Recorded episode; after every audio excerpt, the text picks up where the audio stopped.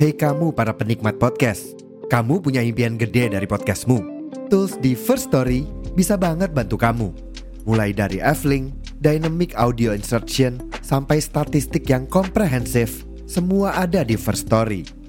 Gak ketinggalan, kamu bisa monetisasi podcastmu lewat iklan dari First Story Ads yang bisa kasih kamu penghasilan dari setiap place podcastmu. Yuk gabung sekarang dengan klik di firststory.me. Sekali lagi, di firststory.me. Mari kita bawa mimpi podcastingmu menjadi kenyataan. Selamat pagi, siang, sore, atau malam. Semoga kalian tetap bahagia dan sehat selalu. Kembali lagi bersama Poskubot Podcast Aku Bacot.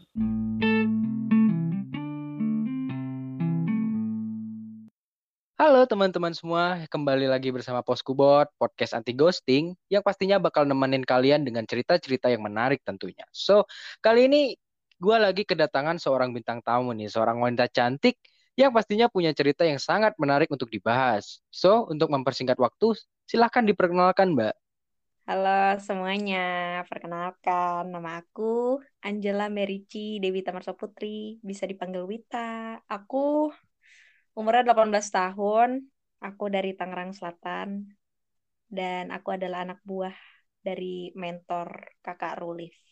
Kayak udah itu aja deh. Oke, pede sekali ya Anda Iya. bilang anak mentor saya. Jadi gimana nih Wit? Itu kita udah lumayan lama ya nggak ngobrol, baru seminggu sih. udah lumayan, udah lumayan lama kita nggak ngobrol secara langsung gitu ya. Gimana nih kabar lu ini? Apa lu sedang menjalani eh, kemoterapi atau gimana? Gue nggak tahu kan. Oh, Jadi kita tanya. Kebetulan, kebetulan iya kemoterapi. Bercanda. Jangan dong, Pak. Bahaya. Enggak sih, sekarang kabar gue baik sih. Puji Tuhan baik banget. Ya, cuma lagi stres-stres. Mahasiswa baru gimana sih tugas gitu aja sih. Lu gimana, Kak? BTW. Ya, eh, sebagaimana umumnya semester 5 ya, mulai mempertanyakan lu ngapain di sini gitu. Oh, iya. Aduh. Ya, lebih banyak pikiran-pikiran tidak jelas. Tapi ya nggak apa-apa namanya hidup ya. Kalau kalau nggak ada roller coaster kan bukan hidup. Betul. Cuman balik lagi ke kesibukan nih. Lu kan maba nih, ajay, maba, mahasiswa baru. Nah, eh gue tahu ma- maba sebenarnya nggak sibuk-sibuk amat karena gue pernah maba dulu kan. Cuman eh lu dalam apa ya kehidupan lu pribadi lu dalam seminggu gitu misal ambil, lu kesibukannya apa? Kesibukan gue ini jujur nih ya, gue tuh sekarang lagi nggak ada nggak ikut satu organisasi ataupun juga lagi nggak magang. Jadi ya kesibukan gue dalam seminggu tidak lain dan tidak salah lagi ya mengerjakan tugas dari para dosen-dosen tercinta gitu. Nggak ada lagi sih gue beneran deh, gue lagi sibuk itu aja sih sebenarnya. Oke, jadi lebih ke fokus menjadi babu kampus ya. Iya, setuju banget gue sama jawaban lu, Pak. Mm. Oke, mungkin eh, lu eh, sempat magang ya, lu bilang tadi sempat magang, sempat organisasi. Itu kapan dan apa gitu? Kalau magang nih gue pernah magang cuma sebentar doang sih. Satu bulanan gue magang di salah satu coffee shop ada deket rumah gue. Itu harusnya tuh tiga bulan, cuma karena tiba-tiba gue memilih untuk kuliah, jadinya harus berhenti karena jadwalnya bentrok banget dan padat banget gitu. Gue masih belum bisa mengatur jadwalnya dengan baik, jadi gue milih untuk ya udah kuliah dulu deh gitu. Jadi sekarang eh, berhenti deh magangnya gitu. Di, ka- di coffee shop biasanya jadi ini ya, Batista. Eh, kok WWE? Barista, barista. Iya, baris barista. sih. Iya, gue barista, Kak. Hmm, perkopi-kopian ya, berarti sudah lumayan jago ya. Ya, nggak terlalu sih. Orang baru satu bulan. Bisa lah nyuci piring. Anjir lu, gue mau naikin nama lu nih, lu Oh, menjatuhkan diri salah ya. Astaga, oke. Eh, bu- berarti lebih ke kayak karena lu memilih untuk fokus di pendidikan, lu ini pinggirin dulu ya, ya, magang-magang dan kegiatan lain gitu. Iya, betul. Oke. Eh, ngomong-ngomong soal pendidikan ya, kita tahu pendidikan pada tahun-tahun ini mengalami perubahan yang beda banget dari tahun-tahun sebelumnya, di mana kita eh, ngelakuin eh, pendidikan secara online gitu kan. Nah, karena lu angkatan berapa ya? Angkatan 21 ya lu. Mungkin lu nggak nggak akan kayak gua yang tiba-tiba kuliah kaget gitu dengan kuliah online. Lu kan sekolah pastinya kan online. Nah, uh, lu awal masuk kuliah jadi mahasiswa terus tiba-tiba kuliah online, lu udah ngerasa kayak ah ini mah udah biasa, gue udah pernah sebelumnya. Atau ada masih ada shock-shocknya gitu loh? Sebenarnya kalau ditanya masih ada shock-shocknya ya masih sih. Tapi kalau untuk shock itu gue lebih ke culture shocknya aja sih. Culture shock dari kampus. Cuma kalau untuk belajar secara online udah biasa aja sih gue. Kayak ya elah online ya gitu. Cuma kalau untuk masalah shocknya sih ya gue masih di bagian culture shock aja sih dari kampus. Cuma kalau untuk belajar online gue udah nggak ngerasa shock lagi sih karena udah biasa online kan gue dari kelas berapa coba? Kelas 11. Kelas 11 tuh kelas 2 SMA ya berarti. Itu gue udah biasa online gitu. Cuma untuk sekarang sih udah biasa aja. Masih dalam ini juga sih, masih dalam penyesuaian diri lah dengan teman-teman baru secara virtual gitu. Hmm, berarti uh, lu udah profesional lah dalam dunia belajar online ini. Enggak, nggak profesional banget sih gitu tapi udah ya bisalah diatur gitu Oke, okay, uh, eh, ngomongin soal sekolah ya. Uh, Sebenarnya kampus kita tuh gak ada bedanya sama sekolah sih, jujur aja. Cuman, iya. uh, gue uh, karena gue angkatan tit ya, pokoknya gue udah udah pernah ngerasain sekolah online selama eh sekolah offline selama tiga tahun gitu ya uh, eh, gue hmm. ngerasain di mana masa-masa SMA tuh masa yang seru sih jadi kayak kita nggak ada pikiran beban yang berat-berat kayak sekarang gitu kayak mau mati rasanya kalau mikir kan uh, hmm. lebih ke kayak ya lu mikirin gimana cara lu pansos di sekolah sama lu beken aja sih kalau gue di SMA gitu kan jadi kayak lebih ke kayak pacar-pacaran juga kan nyari yang wah cakep nih wah cakep lebih kayak kayak gitu kalau sekarang pun uh, tetap pacar-pacaran cuman kan bedanya kita udah mikir kayak yang penting nyaman dulu fisik itu belakangan. Cuman kan kalau SMA murni main-main dan menurut gue serunya di situ. Nah, oh, iya. lu juga dengan angkatan 21 kan pernah satu tahun ya uh, sekolah offline sebelum online ini. Pernah dapat tahun. Nah, uh, dalam setahun itu kan lu udah juga ngerasain lah kehidupan sekolah gimana. Cuman dua tahun kemudian kalian uh, terpaksa online tuh. Nah, lu sebagai orang yang merasakan gitu, apa sih yang lu kayak sayangkan banget dengan sekolah online gini apa sih yang lu merasa hilang dari vibes untuk sekolah apalagi SMA kan menurut gue seru seru banget SMA sih hmm. gitu yang gue ngerasa kehilangan sih apa ya kayak rasa ini kan gue orangnya ekstrovert ya kak. Gue tuh ngerasanya kalau selama online jiwa ekstrovert gue itu harus gue pendem banget gitu loh ngerti gak sih? Jadi gue kayak nggak bisa sebebas itu nggak bisa bersosialisasi dengan dengan orang-orang secara langsung. Dan itu menurut gue bagi gue pribadi ya karena gue orang ekstrovert jadi kayak rasanya aduh anjir apaan sih nih? gitu. Gue tuh nggak bisa nggak ketemu orang gitu loh. Bawaannya tuh jadi gampang bosen gitu-gitu jadi kayak rasanya beda banget vibesnya bener-bener beda banget kalau misalnya anak ekstrovert harus menjalani segalanya dengan online karena ya itu nggak nggak bersosialisasi secara langsung sama orang-orang gitu Berarti lu uh, bisa gue bilang lebih cepat capek di online ini ya karena mungkin sumber energi lu tuh dari orang-orang gitu dari yes, lu ngobrol sama orang. Betul sekali. Hmm. Dan gimana waktu itu kan uh, kelas awal kelas 12 eh kelas 11 ya awal kelas 11 lu langsung hmm. online gitu. Nah, itu yang lu rasain apa sih culture shock lebih ke gimana sih gitu, waktu itu? Kalau gua waktu itu uh, gua kan SMK ya, Kak. Jadi uh, sempat kelas 11 itu ada study tour ke luar negeri dan itu tuh gue masih sempat ke luar negeri dulu tuh Februari kalau nggak salah. Nah setelah pulang dari luar negeri itu baru gue uh, langsung dikabarin tuh yang dua minggu libur, dua minggu libur ya gitu. Nah udah dua minggu libur. Awalnya tuh gue seneng kak, kayak dapet kabar dua minggu libur lah. Wah gila nih seru dua minggu, nggak ada nggak ada pelajaran nih bebas. Eh tiba-tiba di extend di extend di extend diperpanjang diperpanjang sampai mampus sampai sekarang nih ya. Gue sekarang ya pas awal-awal tuh rasanya awalnya tuh seneng. Seneng banget. Tapi lama-lama itu gue ngerasain kayak aduh kok gue boring banget sih. Gue bosen banget gitu. Sampai pernah ada saat di mana gue tuh uh, waktu itu nangis di depan kakak gue sama nyokap gue. Terus habis itu gue gue tuh sampai bilang aku tuh capek kalau kayak gini mulu. Terus nyokap gue ngomong kayak gini ya mau gimana deh namanya juga lagi ada virus pandemi gitu. Nggak bisa kamu keluar keluar nggak bisa kamu ketemu orang banyak gitu. Terus itu gue sampai kayak apa sampai bener-bener apa ya semuanya tuh kayak ngejalaninnya tuh mut-mutan gitu. Karena apa-apa gue harus jalanin sendiri. Gue kalau kalau misalnya sedih gak bisa langsung ketemu teman biar seneng lagi gitu loh. Jadi kayak ih beneran kerasa banget sih perbedaannya gimana gitu sih. Ya uh, gue juga awalnya seperti itu sih. Cuman gue nggak nangis kayak lu sih karena gue Oh, lebih iya. kuat mungkin ya. Gue cengeng banget ya say. Ya eh, kayak pasti kaget Ka- karena apa pun yang baru tuh pasti ada penyesuaian dan pasti culture shock lah pasti semua iya orang kan heeh. kayak gitu dia Eh, sama sih gue juga eh, seneng ketemu orang gue seneng ngobrol sama orang di saat gue terbatasi untuk melakukan hal itu gue ngerasa kayak energi gue tuh apa ya cepat terkuras gitu loh. Karena sumber energi gue dari orang-orang yang gue ketemuin orang-orang yang gue ajak ngobrol gue juga ngerasain sih awal-awal. Cuman kan eh, kita nggak tahu ini bakal sampai kapan. Dan pastinya eh, kalau terus-terusan online tuh mental tuh makin breakdance. Udah iya cuy. udah mulai nggak karuan gitu loh. Jadi kayak orang pasti mikirnya kayak ya udahlah kuliah online cuma tinggal duduk. Hei kayak ngeracun. Ya emang cuman duduk tapi mental kita yang terkoyak gitu loh. Itu itu juga sama-sama capek gitu loh.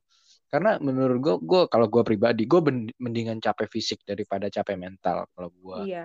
Mm-mm. karena itu bakal berpengaruh banget banget banget. Kayak gini deh lu capek fisik belum tentu capek mental. Tapi sekalinya mental lu capek fisik lu capek gitu loh. Iya sumpah. Ih, setuju banget lagi gue.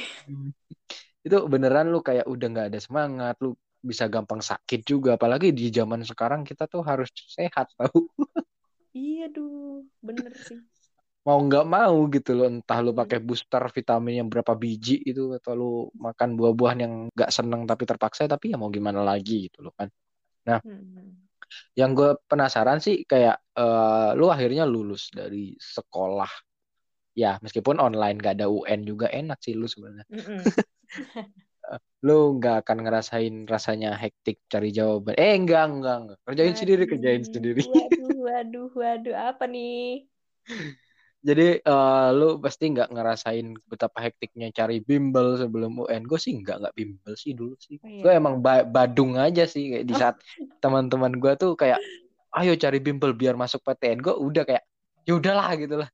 Jadi Oh, emang jalanin aja lah gitu ya. Iya YOLO aja gue YOLO Nah, eh, lu pasti ngerasain kayak hal-hal yang seharusnya kalian rasain jadi nggak rasain kayak yuk hambar aja lu lulus sekolah ya udah oh ya udah lulus tiba-tiba punya ijazah gitu. Nah, eh, lu merasa kayak lu kayak ah, gua nggak bisa kayak gini nggak ini nggak adil gitu lah kondisi ini nggak adil. Gua harusnya bisa seperti mereka-mereka yang bisa ngerasain eh, dunia SMA yang bisa dibilang seindah itu. Lu ada perasaan kayak gitu nggak sebenarnya? Hmm, ada sih karena gue ngeras gue bilang ada ya karena emang ada. Maksudnya harusnya tuh dari yang gue lihat-lihat orang-orang gitu ya SMA-nya tuh seru-seru apalagi di akhir tahun mereka sekolah di kelas 12 meanwhile gue harus menjalaninya secara online. Ketemu teman-teman jarang. Ngumpul juga nggak boleh. Jadi kayak rasa kedekatan gue dengan dengan teman-teman SMA gue tuh juga berkurang aja gitu karena online semuanya serba online gitu apalagi ya itu kesibukan mereka-mereka yang kadang kalau misalnya diajak Zoom cuma bisa beberapa kadang yang kalau misalnya diajak pergi cuma bisa berapa doang gitu loh. Jadi kayak rasanya juga beda. Gue tuh pengen kayak ngeliat apa pengen kayak orang-orang lain yang masa SMA-nya tuh indah yang sampai lulus mereka bareng-bareng secara offline seru-seruan. Lah gue apa nih lulus-lulusan online cuy. Aduh sedih banget. Gitu sih kak Iya, berarti lebih ke kayak aduh gua harusnya bisa kayak mereka gitu ya. Mm-mm. iya iya gitu eh soal mental-mental health ini ya pasti eh, di masa pandemi karena itu beneran kayak jadi isu yang semua orang ngalamin jadi kayak keangkat gitu loh kayak Mm-mm. eh mental health itu udah mulai jadi concern meskipun masih banyak oknum-oknum yang menganggap hal ini tuh bukan hal yang serius cuman karena kita yang mengalami kayak kita paham lah gitu soal hal itu pasti kita ada waktu di mana kita lagi down banget gitu loh kita kayak lagi kayak ah lagi capek-capeknya mental gitu loh dan Setiap orang pasti punya caranya masing-masing. Kalau gue kan gue bisa main motor, gue juga bisa bikin podcast. Bikin podcast ini sebenarnya refreshing buat gue karena gue bisa dapat Hmm. uh, insight-insight baru dari banyak orang. Nah, kalau cara lu sendiri gimana untuk ngatasin itu? Kan lu bilang kayak gue anak anaknya itu extrovert. I mean, Hmm. lu akan mendapatkan energi lebih dengan lu ketemu sama orang gitu. Nah, kalau lu caranya di saat lu lagi ya lagi capek-capeknya lah mental gitu. Lu gimana? Apa sih yang lu lakuin? Kalau gue sendiri, sebenarnya untuk kayak me, apa ya, mengesampingkan segala pikiran gue, segala beban-beban yang membuat mental gue goyah, itu biasanya gue mainnya sama peliharaan gue sih, Kak. Gue kan punya anjing nih di rumah. Biasanya tuh gue main setiap eh, kalau jam istirahat kampus.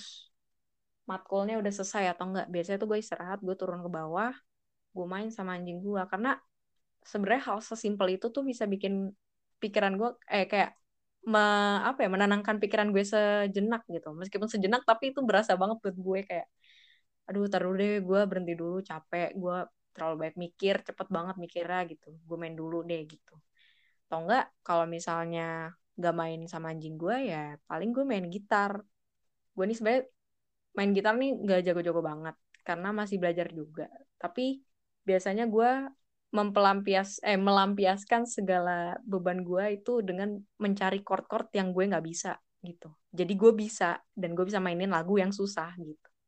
Kayak apa ya berarti intinya gue mengalihkan mencari hal yang bisa membuat gue mengalihkan pikiran aja gitu. Meskipun gue nggak harus eh meskipun ya gue nggak ketemu sama teman-teman gue nggak ketemu orang gitu tapi gue bisa ketemu dengan peliharaan gue dengan gitar gue gitu jadi kayak maksudnya ada pelampiasannya gitu Uh, tapi kan lu bilang lu senang berinteraksi sama orang. Sekarang emang udah zamannya meeting juga Zoom, Google Meet juga kan bisa kita bisa interaksi sama orang. Tapi kan secara online tuh. Nah, kalau lu sendiri kalau interaksinya secara online gitu itu berpengaruh nggak? Atau mungkin kayak justru makin bikin capek gitu?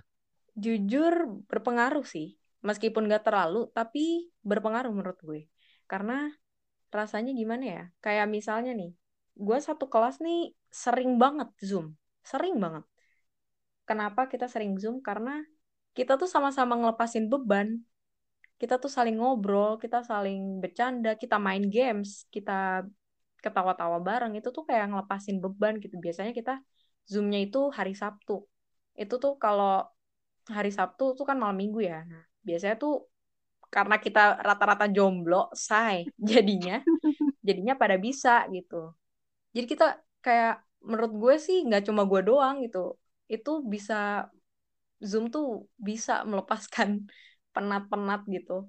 Kayak sekedar ngobrol karena ya ngobrol ngobrol sama orang tuh enak loh kayak lu lu bisa saling berbagi sharing apa yang terjadi dalam hidup lu gitu. Jadi menurut gue berpengaruh sih gitu kak Ya uh, lebih ke kayak gimana? ya, Lu menjaga interaksi sama teman-teman juga ya, Iya. karena kalian juga baru masuk. Nah, itu kita tarik kembali lagi ke pembahasan yang sebelumnya. Lu bilang dalam satu hari ya, maksudnya kalau pas lu istirahat kampus lu turun ke bawah. Nah, kalau lu dalam satu minggu itu ada rencana rencana-rencana nggak sih? Kalau gue pribadi, gue pasti bikin entah di dalam satu minggu, pokoknya at least ada satu hari gue tuh full dalam satu hari main motor, main motocross, atau mungkin mancing ke laut gitu lah. Maksudnya yang bener-bener gue lepas dari rumah gitu loh. Biar kayak beneran full gitu loh stress reliefnya. Kalau lu gimana? Atau mungkin dengan uh, main sama anjing tiap hari, terus nge-zoom sama teman-teman lu di setiap weekend itu udah cukup gitu? Atau gimana?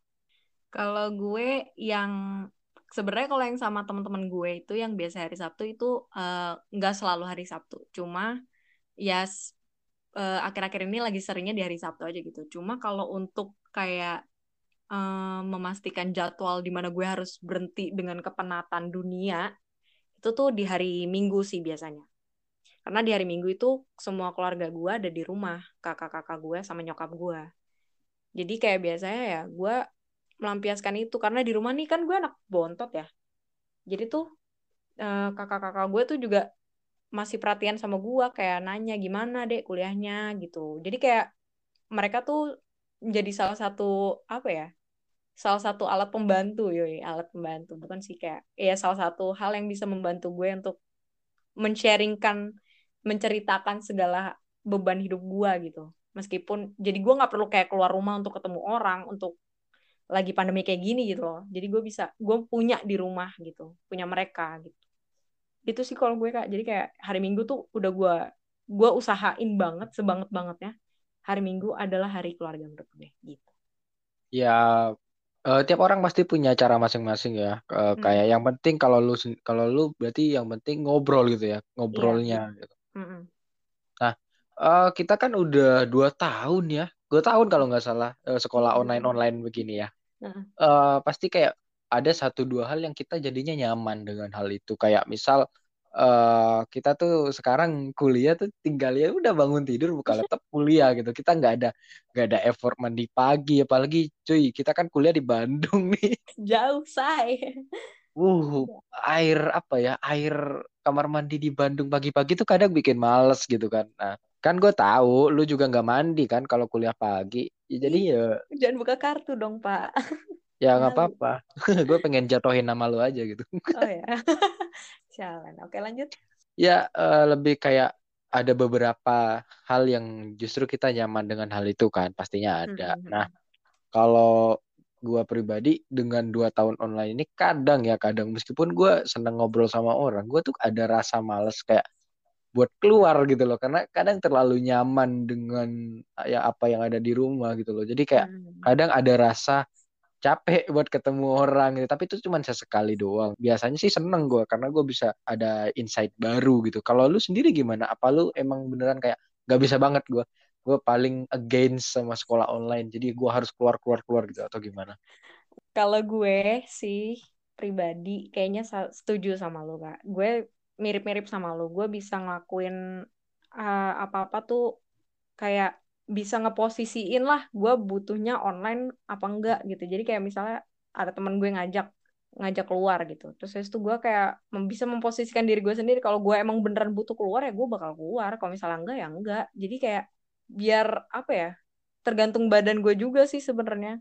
Karena jujur aja ya duduk uh, kuliah duduk sampai berapa jam di depan laptop, di depan kamera, lu harus on cam itu tuh rasanya kayak capek tahu meskipun cuma duduk dengerin doang kayak kuping lu sampai kebakar tuh capek gitu. Jadi ada masa-masanya di mana gue kayak aduh taruh deh gue malas ketemu orang lagi gitu. Gue pengen tiduran di rumah rebahan gitu. Kalau gue gitu sih kak Ya, uh, di masa pandemi ini kita sama kasur dan rebahan tuh udah kayak pasangan nggak terpisahkan iya, gitu kan. Bener banget, Bapak. Hmm. Ya, kita jadi lebih sedikit lebih males ya orang jadi jadi sedikit lebih jadi orang yang males gitu kayak hmm. apa ya? Kayak udah nyaman sebenarnya kita iya. tuh kayak sekolah tinggal buka laptop di sebelah kasur tuh sebenarnya nyaman banget. Tapi kan hmm. ya tetap nggak bisa menggantikan ku kuliah ataupun sekolah yang sesungguhnya di mana kita harus tatap muka kan. Nah, hmm. hmm, hmm. Tapi ada nih satu hal yang uh, mungkin beberapa orang mungkin hampir semua sih mengeluhkan gitu kayak uh, karena lu di rumah lu nggak melakukan aktivitas banyak tuh paling cuman rebahan paling kalau lu jalan jalan ke dapur terus ke kamar lagi gitu kan. Jadi nggak terlalu banyak uh, kegiatan kayak kalau kita seperti biasanya gitu waktu offline. Pasti ada yang bakal ngeluh naik berat badan gak sih? Oh iya sih bener. Itu itu kayaknya banyak yang terjadi sih selama ya. pandemi ya. ini. Hmm, termasuk gue gue naik 15 kilo pas pandemi. Ah, demi apa? Ya gue dulu 50 sekarang gue 65 udah jadi kayak babi gue oh, gue mau ketawa tapi Serius? Ah. Serius. Uh, kalau lu gimana? Lu ada penambahan berat badan? Wah, jujur li kak, gue tuh kurus tahu orangnya. Hmm. Jadi berat dan berat dan tinggi gue tuh tidak apa ya nggak nggak sesuai pada rata eh nggak sesuai pada umumnya kayak jadi berat gue ini 40 kilo tinggi gue ini 160 gila kayak lidi nggak gue jadi kayak maksudnya nggak nggak seimbang gitu antara berat sama tinggi. Dan selama pandemi ini, gue tuh bener-bener orang-orang tuh di, di sekeliling gue itu pasti ada yang kayak ngeluh. Gila gue gara-gara pandemi makan mulu jadinya gendut. Itu gila gue kok kurusan ya, gue kurus banget gini-gini. Gue sendiri gue nggak ngerasain apa-apa kak. Gue gak ada perubahan samsek kayak ya udah di situ-situ aja. Berat gue nggak naik, nggak turun. Kayak sebenarnya mau men mau mensyukuri juga sih cuma kayak gue butuh sebenarnya naik naik berat badan karena gue tuh kekurusan banget ada masa-masa kayak gitu sebenarnya cuma kalau gue ya itu berat gue tidak berubah sama sekali gitu sih kalau gue kak Iya, beruntung sekali ya Anda ya. iya, puji Tuhan. Tapi ini sih karena gue yakinnya karena kemarin sih gue di kosan kan. Maksudnya Mhm. ya gue rada badung juga sih di saat yang lain udah tahu kuliah online, udah pulang ke rumah masing-masing, gue masih stay di Bandung gitu kan. Oh, iya. Jadi jadi kerjaan gue tuh kalau malas tuh ya udah gue makan tuh dari GoFood doang. Jadi tinggal buka pintu matu makan itu mungkin jadi penyebab. Sebenarnya eh, ya ada yang naik, ada yang enggak. Cuman gue adalah beberapa teman yang emang dia orangnya tuh nggak mau banget gendut, terus tiba-tiba gendut jadi beban pikiran. Nah, Hmm. jadi kayak udah kuliah atau sekolah online capek, di- ditambah insecure soal gitu-gitu kan makin bobrok ya. Jadi Mhm. Banyak yang akhirnya burnout, banyak yang akhirnya mental breakdown. Jadi kayak udah beban nih sekolah online, masih ditambah beban-beban soal hal-hal kayak gitu kayak manusia tuh kayak pasti ada saat-saat di mana dia insecure kan entah soal apa pun itu. Jadi kayak wow, ini pandemi beneran kayak mengoyak mental lu gitu loh. Jadi Mhm. kayak beneran kayak bener-bener apa ya lebih baik kita capek fisik gitu loh. Nah, kalau lu sendiri misal eh, amit-amit tapi ya Pak. kita bakal online-online terus sampai dua atau tiga tahun lagi, what will you do? nggak ada sih jalanin aja kayak maksudnya selama online itu adalah jalan terbaik dalam dalam menangan menangani pandemi ini ya lu bisa berbuat apa juga sih sebenarnya kayak maksudnya ya udah jalanin aja karena lama kelamaan itu akan menjadi suatu kebiasaan yang baru nggak sih? Sama kayak dua tahun sebelum ini. Kayak awalnya lu nggak biasa. Cuma karena lu di cuma karena lu dipaksa dan lu diharuskan banget untuk menjalani semuanya secara online online itu jadi suatu kebiasaan yang baru gitu. Jadi kayak lama-lama akan kebiasa sih menurut gue kak. Kayak gitu Ya, iya sih. Lebih ke kayak lama-lama mungkin kita akan terbiasa atau mungkin di saat offline banyak dari kita mungkin belum siap ya karena kita udah Iya. terbiasa terbiasa dengan online gitu. Nah, Mm-mm. eh ya itu sih mungkin PR buat kita-kita yang lagi sekolah yang menempuh jalur pendidikan gitu. Mungkin mental kita tuh ya siap-siapin aja lu lu bakal stres setiap saat. Tapi kalau lu punya cara buat ngelepasin itu meskipun itu cuman satu hari atau beberapa saat itu ya it's good gitu loh. Maksudnya eh nggak lu nggak terus-terusan terjebak di kondisi kayak gitu karena waduh cuy ada sih ada beberapa teman gue yang sampai butuh psikiater gitu loh. oh ya Hmm, ada. Jadi ya gimana ya? Tapi ini sih yang gue sayangin di mana mental health ini sebenarnya belum dianggap serius di Indonesia jujur aja gitu loh. Masih eh, banyak kalangan-kalangan yang menganggap apaan sih lu mental mental health gue tuh lebih susah, kita tuh Nah. lebih susah. Itu banyak banyak banget terutama di di apa ya? Di kalangan orang-orang yang kayaknya 20 30 tahun lebih tua dari kita. I mean like di zaman kita itu lebih susah loh. Di zaman kita susah Iya. makan, di zaman kita perang dunia gitu. Ya gimana ya? Maksudnya menurut gua tuh setiap generasi pasti punya challenge-nya masing-masing. Pasti punya uh, struggle-nya masing-masing. Tapi gue masih ngelihat di sekitar gue gitu loh kayak orang stres atau capek karena sesuatu hal yang bersifat mental isu itu nggak dianggap sebagai hal serius gitu loh. Maksudnya kayak ah ya udah sih cuman gitu doang. Ah ya udah lu masih umur berapa udah stres-stres aja. Stres juga kita yang udah kerja, yang udah punya anak. Nah, Aduh. kalau menurut lu sendiri gimana gitu loh pendapat lu soal hal itu? Aduh gue paling anti sih sebenarnya sama orang-orang kayak gitu ya. Beneran deh. Kayak maksudnya bro masalah orang tuh nggak bisa lu samain sama masalah diri lu sendiri nggak sih? Kayak ya semua orang punya masalah dengan porsinya masing-masing. Lu nggak bisa kayak misalnya nih sesimpel ini deh.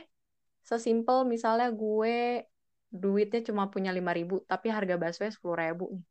Gue mau beli bakso tapi duit gue cuma goceng sedangkan harganya si bakso sepuluh ribu Terus habis itu gue bilang, aduh, gue bilang ke teman gue, aduh, duit gue cuma goceng nih, nggak cukup buat beli bakso, gimana ya? Nah, terus teman lu bilang, ya elah cuma goceng doang, masa nggak punya sih? Duit goceng doang, masa nggak punya sih? Kayak bisa aja teman lu ini yang cuma punya duit goceng tuh kayak struggle nyari duit goceng tuh sesusah itu, ngerti gak sih? Jadi kayak nggak bisa nggak bisa ih gue kesel banget kalau denger orang ngomong kayak gitu apalagi kalau lagi curhat itu skip banget kayak eh lah gitu doang lu belum jadi gue gue kayak gini bada bada cuy males banget gue sama orang kayak gitu. Bisa gak sih? Kayak lu nggak bisa lu stop deh nyama-nyamain masa lalu sama orang gitu. Karena orang-orang tuh pasti punya perjuangannya sendiri-sendiri dan kayak masalahnya tuh beda-beda. Lu nggak bisa sama ratain kayak gitu. So gitu sih kalau gue kayak ih kesel banget gue dengernya. Emosi gitu ya gimana ya? Karena sebenarnya itu secara nggak langsung tuh jadi kayak semacam budaya nggak sih? Kayak adu nasib hmm, kayak gitu. iya adu nasib tuh aduh males banget nggak? Kayak apa ya? Ah bacot lah gue kesel banget. Iya ya, uh, kita tuh cerita tuh sebenarnya juga nggak butuh advice nggak sih? Kayak kita cerita tuh cuma butuh didengerin gitu. Yes. Dan lu you just supposed to hear my story gitu loh. Jangan lu malah adu nasib gitu kayak kita iya, jadi kayak iya. ah tarik nafas dulu. Tapi ini juga PR sih, maksudnya untuk masyarakat kita ya, maksudnya yang belum open minded soal hal ini karena orang-orang kita gitu banyak kalangan yang menganggap kalau selama badan lu masih bisa jalan ya mau mental lu sehancur apa lu masih sehat. Banyak yang banyak yang uh, menganggap seperti itu dan sangat-sangat meremehkan soal mental health ini gitu loh. Kayak mm -hmm. uh, kalau misal kita capek kalau mental kita capek itu kita gampang sakit tau. Kita kita nggak punya energi even buat makan tuh males gitu loh. Dan hmm. itu dan itu apa ya penanganan medisnya ada soal mental health ini. Kayak kita ambil contoh panic attack. Lu tahu kan panic attack? Jadi di saat dia uh, panik gitu uh, ada yang sampai sesak nafas ada yang sampai masuk IGD gitu. Tapi banyak orang yang kayak ah ya udahlah itu cuma panik ya. gitu ya. Iya drama banget hidupnya cuman gitu doang kok sampai kayak gitu. Padahal cuy gue ada temen dia tuh kena panic attack. Sampai dia tuh harus dapat penanganan medis dan dia dikasih obat penenang. Dan menurut gua itu bukan hal yang harus diremehkan gitu loh. Jadi mental health ini memang hal yang serius cuy. Lu nggak bisa kayak selama badan lu bisa jalan selama lu masih sehat. Nggak nggak gitu nggak gitu gitu loh. Karena yeah, bener -bener. lu jangan ngomong karena lu nggak ngalamin gitu. Tolong dipakai empatinya lah. Maksudnya kayak orang-orang yang mengalami atau punya mental isu tersebut juga mereka tuh nggak mau kayak gitu gitu loh. Mereka ingin hmm. seperti orang lain yang sekuat kalian lah yang kalian apa sih mental mental gue nggak pernah stres? Ya mereka juga pengen gitu loh. Kayak lebih kayak uh, kita harus belajar berempati sih gitu sih kayak itu PR banget. Karena itu sering masih sering terjadi di lingkungan gue even ke teman-teman gue masih menganggap remeh soal ini. Kayak lu tau gak sih kayak sifat-sifat kayak gak enakan, gampang nangis. Itu dianggap hal yang ribet gitu loh. Kayak apaan sih lu? Ribet banget gitu. Padahal ya mereka kalau bisa memilih mereka tuh nggak akan mau punya sifat seperti itu gitu loh. Tapi iya, dia dianggapnya hal yang annoying gitu jadinya nggak ada support buat mereka menurut gua tuh orang-orang yang kayak gitu tuh butuh support kita apalagi kita teman deket atau mungkin teman satu kampus satu prodi entahlah itu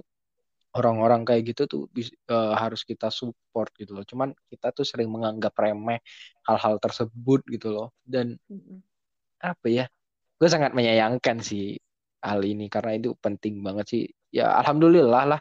Alhamdulillahnya uh, semenjak pandemi ini hal ini juga mulai dianggap serius meskipun kayaknya belum nyampe ke beberapa kalangan tertentu deh. Tapi nggak apa-apa lah kita nyamannya kita berjuang buat menyuarakan gitulah ya. Hmm. tapi kalau kalau lu sendiri lu ada uh, langkah apa gitu buat apa ya biar orang-orang sadar soal mental health ini? Entah lu uh, jadi tiba-tiba tempat curhat buat mereka-mereka yang sedang mental breakdance atau lu kayak lu bersuara di media sosial atau lu kayak cukup cukup diri gua aja yang nggak kayak mereka biar eh, hal-hal ini tidak terus dilanjutkan gitu. Kayak capek cuy. Lu apa ya mental health ini sebenarnya emang gak kelihatan dari luar tapi itu sangat-sangat destruktif buat seseorang gitu. Kalau lu langkah lu apa sih? Kalau gue kan pasti podcast gue gue berharap uh, pendengar ini bisa lebih aware lah soal hal itu karena hal ini juga bukan masalah yang sepele itu tapi kalau dari lu pribadi gimana hmm kayaknya bahasannya makin berat nih jadi kita break dulu sambil dengerin yang lewat berikut ini. Oke teman-teman semua, terima kasih yang udah dengerin hal ini. So, mari kita lanjut. Kalau dari gue pribadi sih kebetulan banget beberapa hari yang lalu uh, gue tuh lagi nonton film malam-malam. Terus habis itu nggak lama gue ngeliat eh sambil story apa lihat-lihat story Instagram. Gue ngeliat satu story uh, adik kelas gue pakai cuma foto item doang, tapi dia ngeplay satu lagu yang gue tahu lagu itu tuh uh, tentang kalau dia tuh nggak kuat sama hidup ini gitu inti lagunya kayak gitu nah terus habis itu kalau cara gue setiap gue ngeliat ada orang yang menurut gue butuh tempat cerita dan gue kenal orang itu gue sebisa mungkin bantu kayak gue akhirnya ngechat dia gue nge-reply story-nya. Gue tanya what's wrong? gitu. Terus habis itu dia bilang e, nggak apa-apa lagi ada masalah aja gitu. Terus karena dari situ gue ngerasa kayak dia akhirnya mau dan ada tempat curhat karena dia tuh sebelumnya belum cerita ke mana-mana gitu. Coba kalau gue nggak nanya bisa aja besoknya dia mati anjir. Ya gak sih? Kayak maksudnya ya, ya. Karena maksudnya kayak apa ya sesimpel itu gue dengan cara sesimpel itu bukannya gue kayak uh, apa ya sombongin diri gue ngebantu orang enggak. Cuma kayak maksudnya dengan cara sesimpel itu bisa aja kita me menghentikan perlakuan uh, yang tidak seharusnya dilakukan sama dia gitu. Kayak ya mungkin aja bisa harusnya dia suicide cuma karena gue masih cuma karena ada orang yang masih peduli sama dia.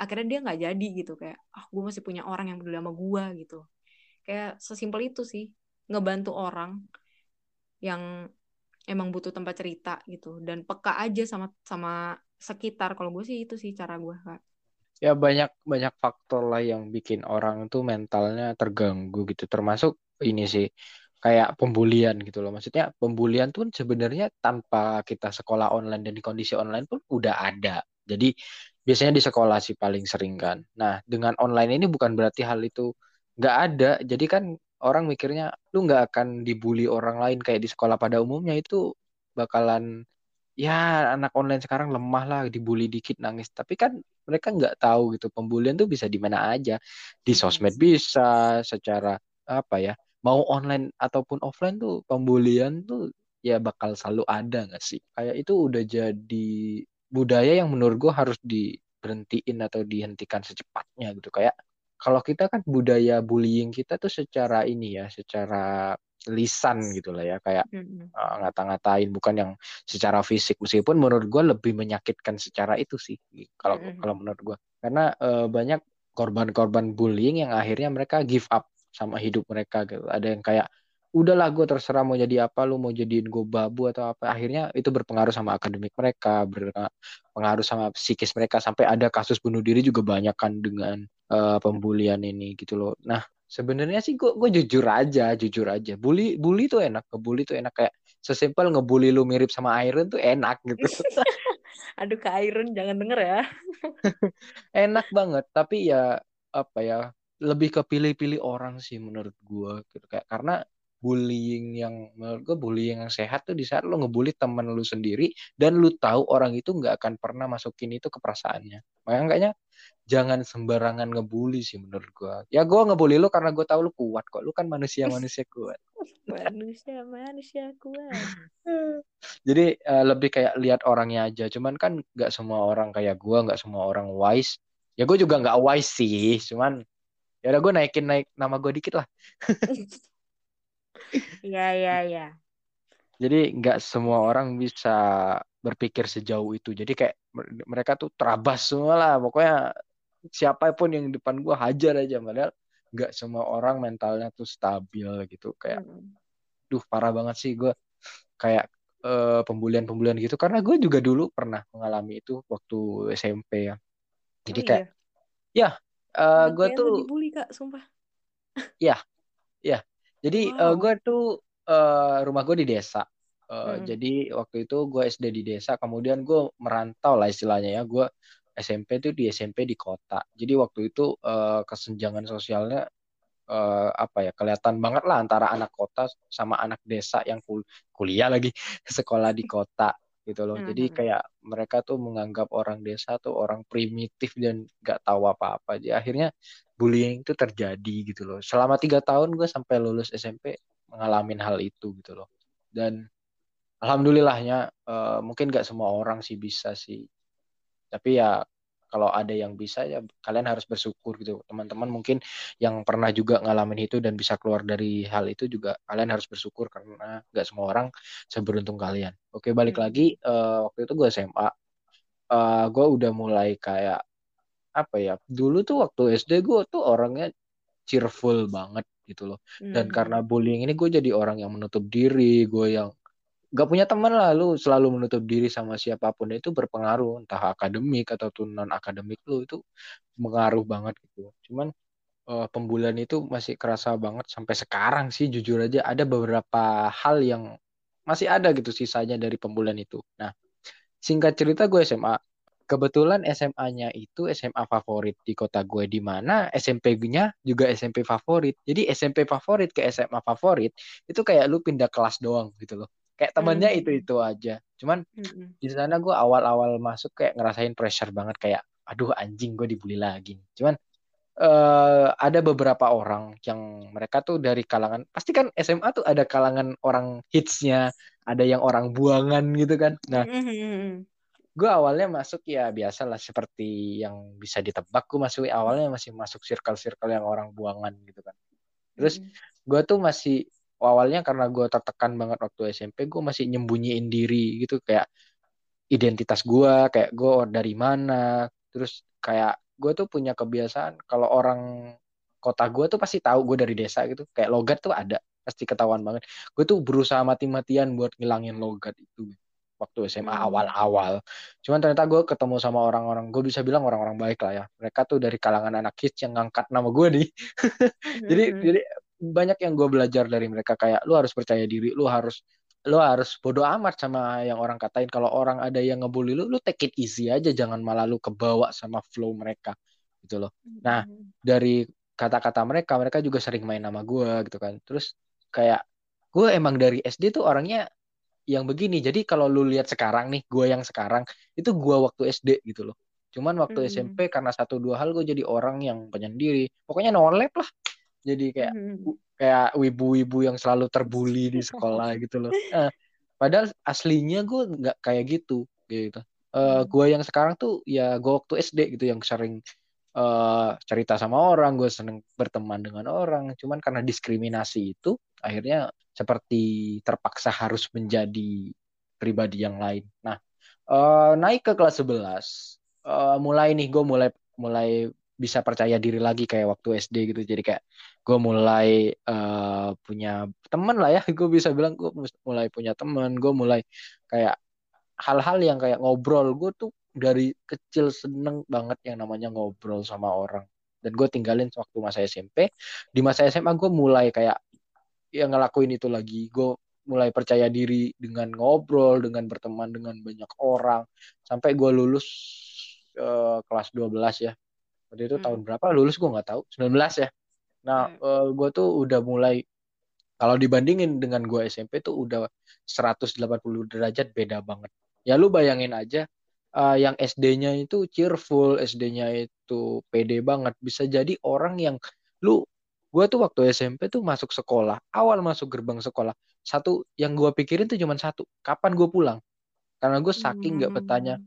gue under pressure selama tiga tahun ya pasti kayak gitu lalu gue masuk gerbang sekolah tuh hal pertama yang gue pikirin gimana gue keluar dari sekolah ini. I mean like kapan pulang sih? Karena Hmm. eh, bel pulang tuh beneran kayak tempat gue buat lari dari kondisi toksik itu loh. Nah di SMA gue udah mulai nggak ngerasain itu lagi.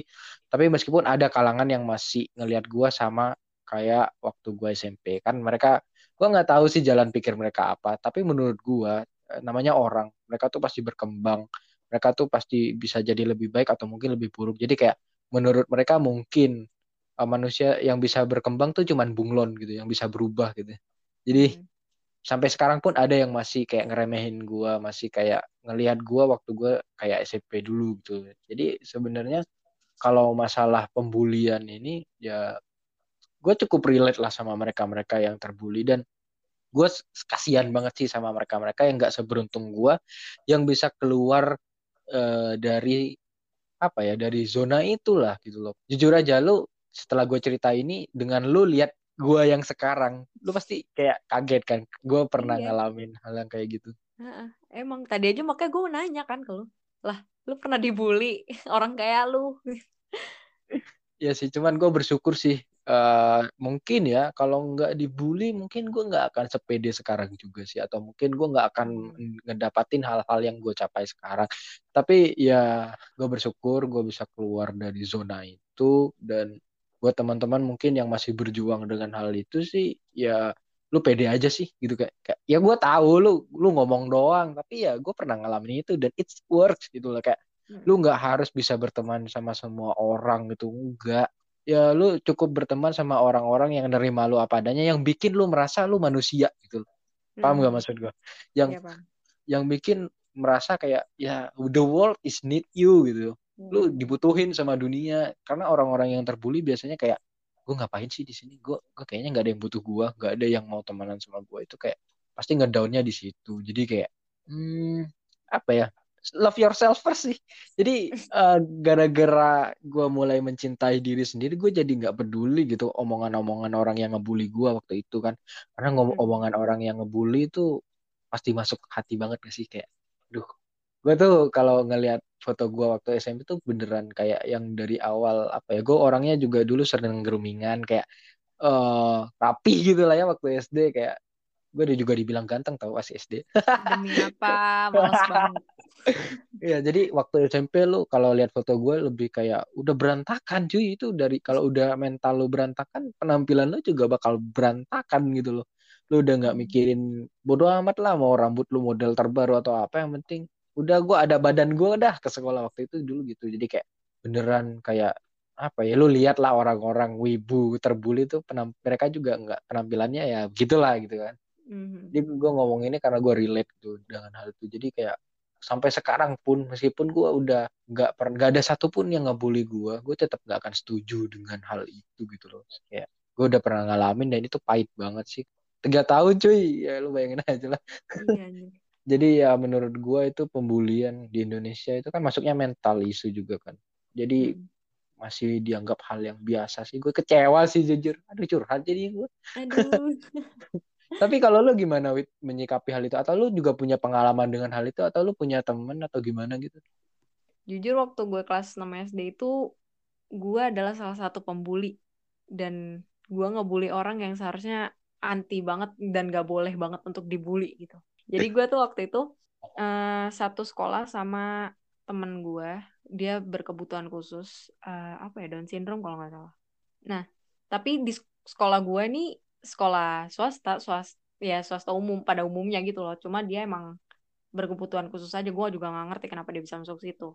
Terus habis itu di situ tuh gue ngebully dia. Gue ngebully kayak gue main setiap istirahat gue tuh main palang-palangan pintu kelas. Jadi gue nggak bolehin dia masuk. Dan dia selalu ngerasa kebuli. Ya kebuli lah orang kayak gitu ya. Iya nggak sih? Nah, Iyalah pasti. kayak, mm-mm. sampai pada akhirnya eh temen gue ini ngadu ke mamanya.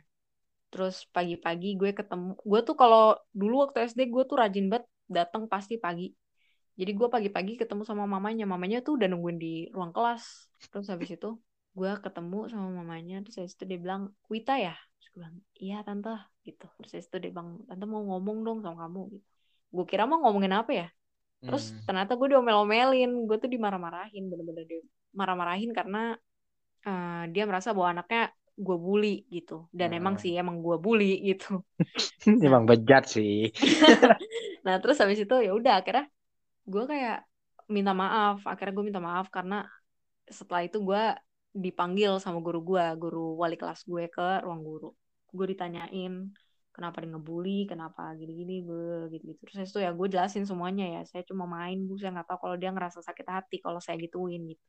Terus habis itu ya udah sering berjalannya waktu kayak eh, mulai SMP tuh gue kayak mulai menyadari kalau anjir gue SD pernah ngebully orang ya. Kayak terus habis itu eh, pas gue makin gede tuh kayak gue makin melihat banyak kasus-kasus orang dibully dan gue kayak ah, anjing ternyata rasanya nggak enak banget ya dibully gitu.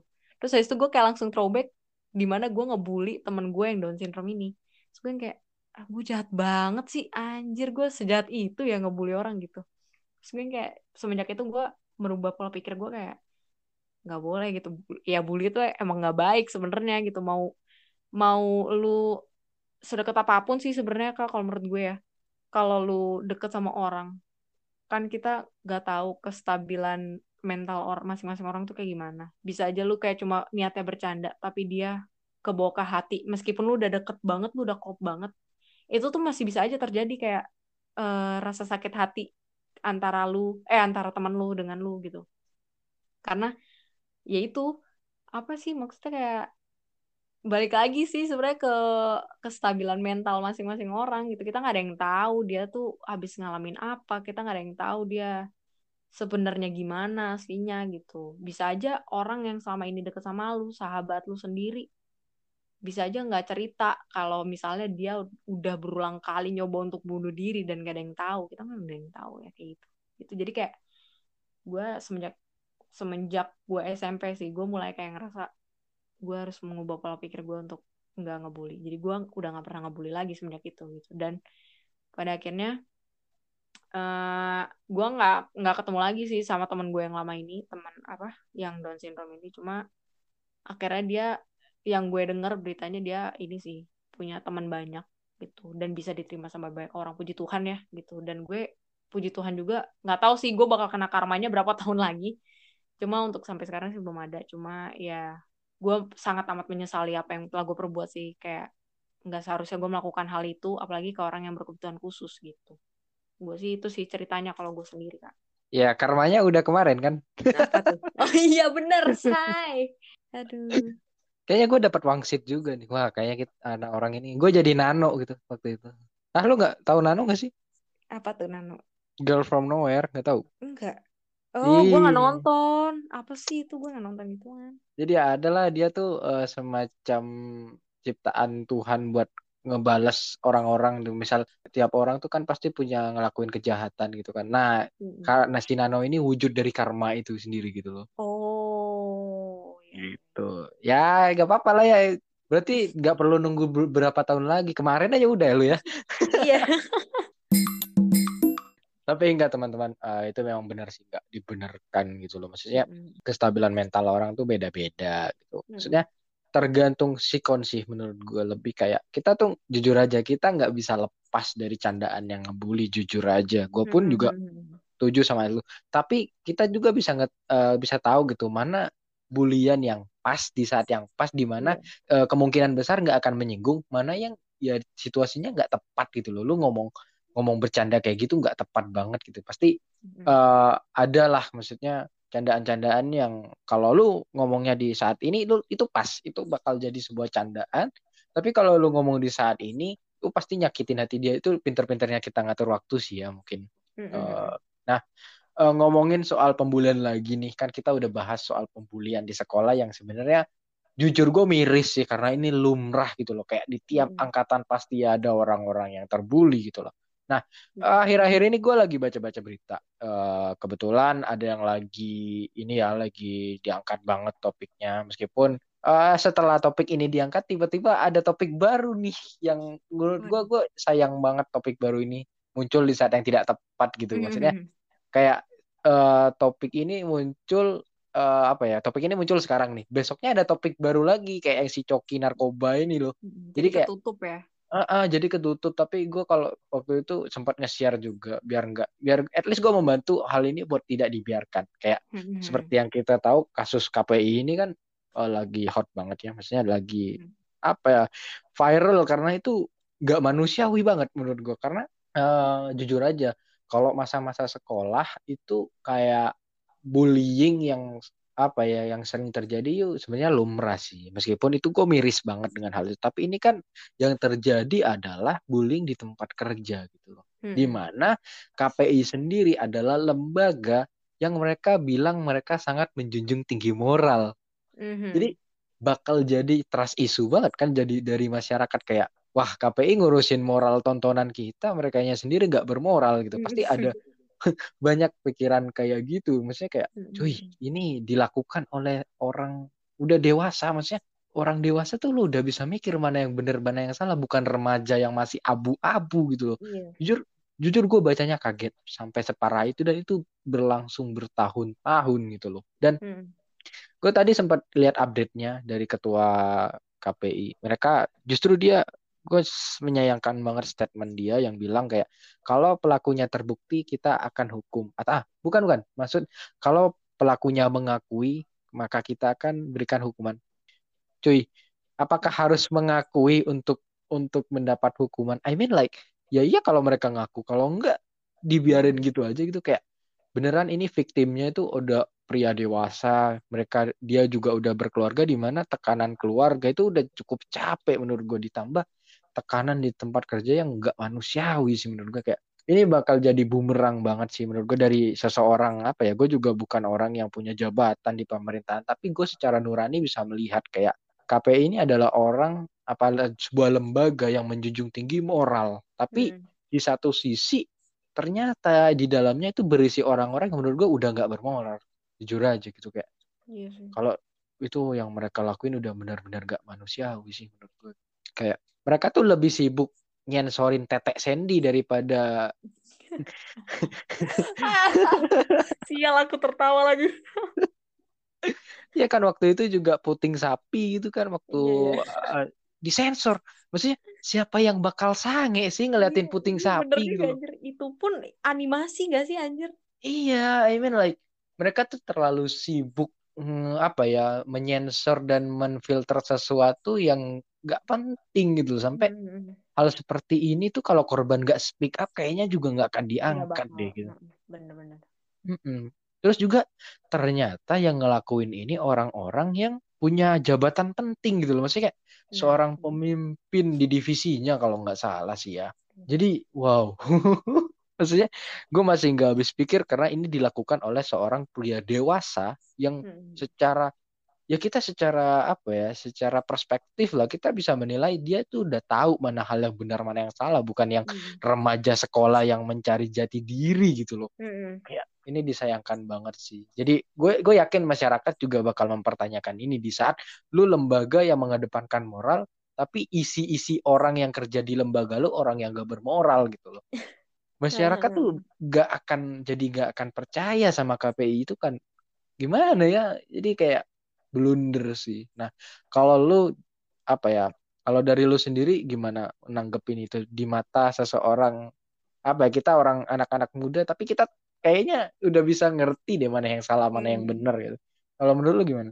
Menurut gue malu sih harusnya KPI itu. Sumpah ya kayak maksudnya ya benar kata lu itu udah bukan umurnya mereka lagi untuk melakukan hal seperti itu gak sih? Kayak maksud ya maksud gue di umur berapapun lu nggak boleh ngelakuin pembulian segala macam. Cuma kayak lu udah gede coy hello lu udah bapak-bapak masih aja kayak gitu gitu kayak nggak hmm. sadar diri dan ya iya harusnya KPI itu menjadi salah satu apa ya contoh kalau dia kan yang ini ya mengatur apa eh, bagaimana eh, penyiaran di Indonesia tuh apa peraturan-peraturannya gitu loh maksud gue Hmm. Nah, seharusnya nggak cuma karena pekerjaan mereka itu aja, tapi di dalam kehidupan mereka secara langsungnya ya mereka juga mencontohkan yang yang seharusnya mereka contohkan gitu loh, bukan malah sebaliknya gitu. Itu malah malu-maluin nama KPI banget anjir kalau kayak gitu ya sih. Kalau hmm. gitu sih kak aneh banget. Ya, gue nggak tahu sih perkembangan kasusnya dan kalaupun benar ini bakal parah banget sih. Iya. Tapi dalam hati kecil gue gue berharap ini hoax gitu loh karena waduh kalau beneran cuy gue baik lu bayangin perasaan korbannya gitu. Iya. Wah. Gue kayaknya abis ini bikin ini deh komunitas orang terbuli Indonesia. Oh iya bisa sih bagus. Kayaknya lu kan pernah punya pengalamannya gitu. Iya jadi kayak kalau orang terbuli tuh bakal mikir mereka tuh nggak berguna di dunia. Kalau menurut gue aku nggak tahu orang lain gimana tapi yang gue rasain dan dari teman-teman yang sharing ke gue juga sama gitu. Jadi kayak wow efeknya tuh separah itu. Dan lu baca juga gak sih beritanya? Dan itu bukan bulian-bulian kayak anak sekolahan itu lebih parah men. Yang like, ini gak sih yang mencoret-coret? Sorry ya buat ya. gitu kan? ya ya something like that. Yang waduh anjir ini. Ah gue mau bilang manusia tapi kelakuan gak manusiawi jadi ya nggak tahu. batas. udah kelewat batas banget sih itu. Udah parah banget anjir. Mm -mm. dan Aku nggak tahu sih, gue di hati kecil gue, gue bilang kak semoga itu hoax sih, jangan beneran gitu. Kayak gue bayangin perasaan korbannya kayak dia ju- juga udah punya istri kan, dia juga berkeluarga gitu loh, dia masih harus ngalamin hal itu. Kayak lu mikirin keluarga lu bisa makan di masa pandemi aja udah ribet gitu loh. Ditambah lu masalah. harus mikirin kayak harga diri gue udah hilang di, di depan teman-teman gue semua itu hancur banget gak sih anjir rasanya Ya, jadi kayak, waduh, nggak tahu sih. Semoga aja lah ketemu titik terangnya dan gue nggak nggak tahu sih. Gue bukan orang hukum, gue bukan orang yang apa ya bisa menjatuhkan vonis hukuman terhadap, terhadap seseorang, tapi gue berharap eh, hukuman yang diberikan tuh sepadan. iya Mm, setuju banget Meskipun ya kadang emang susah sih kalau yang kena pejabat. Jujur aja gue. iya emang sih kayak namanya juga ya Indonesia Tapi gue berharap meskipun keadilan berkata lain, hukuman berkata lain, gue berharap korban bisa pulih secepatnya sih. Dan Mm-mm. amin amin dan hal ini soal pembulian, mental health issue tuh benar-benar dianggap hal serius sih ke depannya. Mungkin itu ya harapan Iya. gue gitu. Mm. Ya semoga Indonesia menjadi lebih baik lah ya teman-teman. amin amin Oke teman-teman, dari yang kita obrolin tadi mulai dari capeknya kuliah online, eh gimana cara ngatasinnya. Gue rasa bakal relate buat teman-teman angkatan 21 nih. Eh, mungkin banyak dari kalian yang ngalamin hal yang sama. Dan selain itu kita juga bahas soal bullying yang sebenarnya itu parah banget sih. Dan di sini di podcast ini ternyata ada pelaku dan korban. Wow. Wow, sangat pas sekali gitu. Dan eh, kita juga bahas soal yang baru-baru ini sedang terjadi dan itu miris banget sih. Dan gue berharap kasus ini cepat selesai dan kasus ini bisa diurus dengan tepat gitu loh. Nggak, nggak yang tiba-tiba muncul terus dipaksa hilang gitu. Jadi ya gimana ya, gue miris sih misal itu terjadi. Dan buat teman-teman sekalian yang dengerin podcast ini, gue berharap kalian eh, baik-baik aja karena jujur untuk kondisi mental di saat-saat ini sangat terkoyak ya. Udah mulai bukan mental breakdown lagi, tapi mental breakdance gitu, makin gak jelas.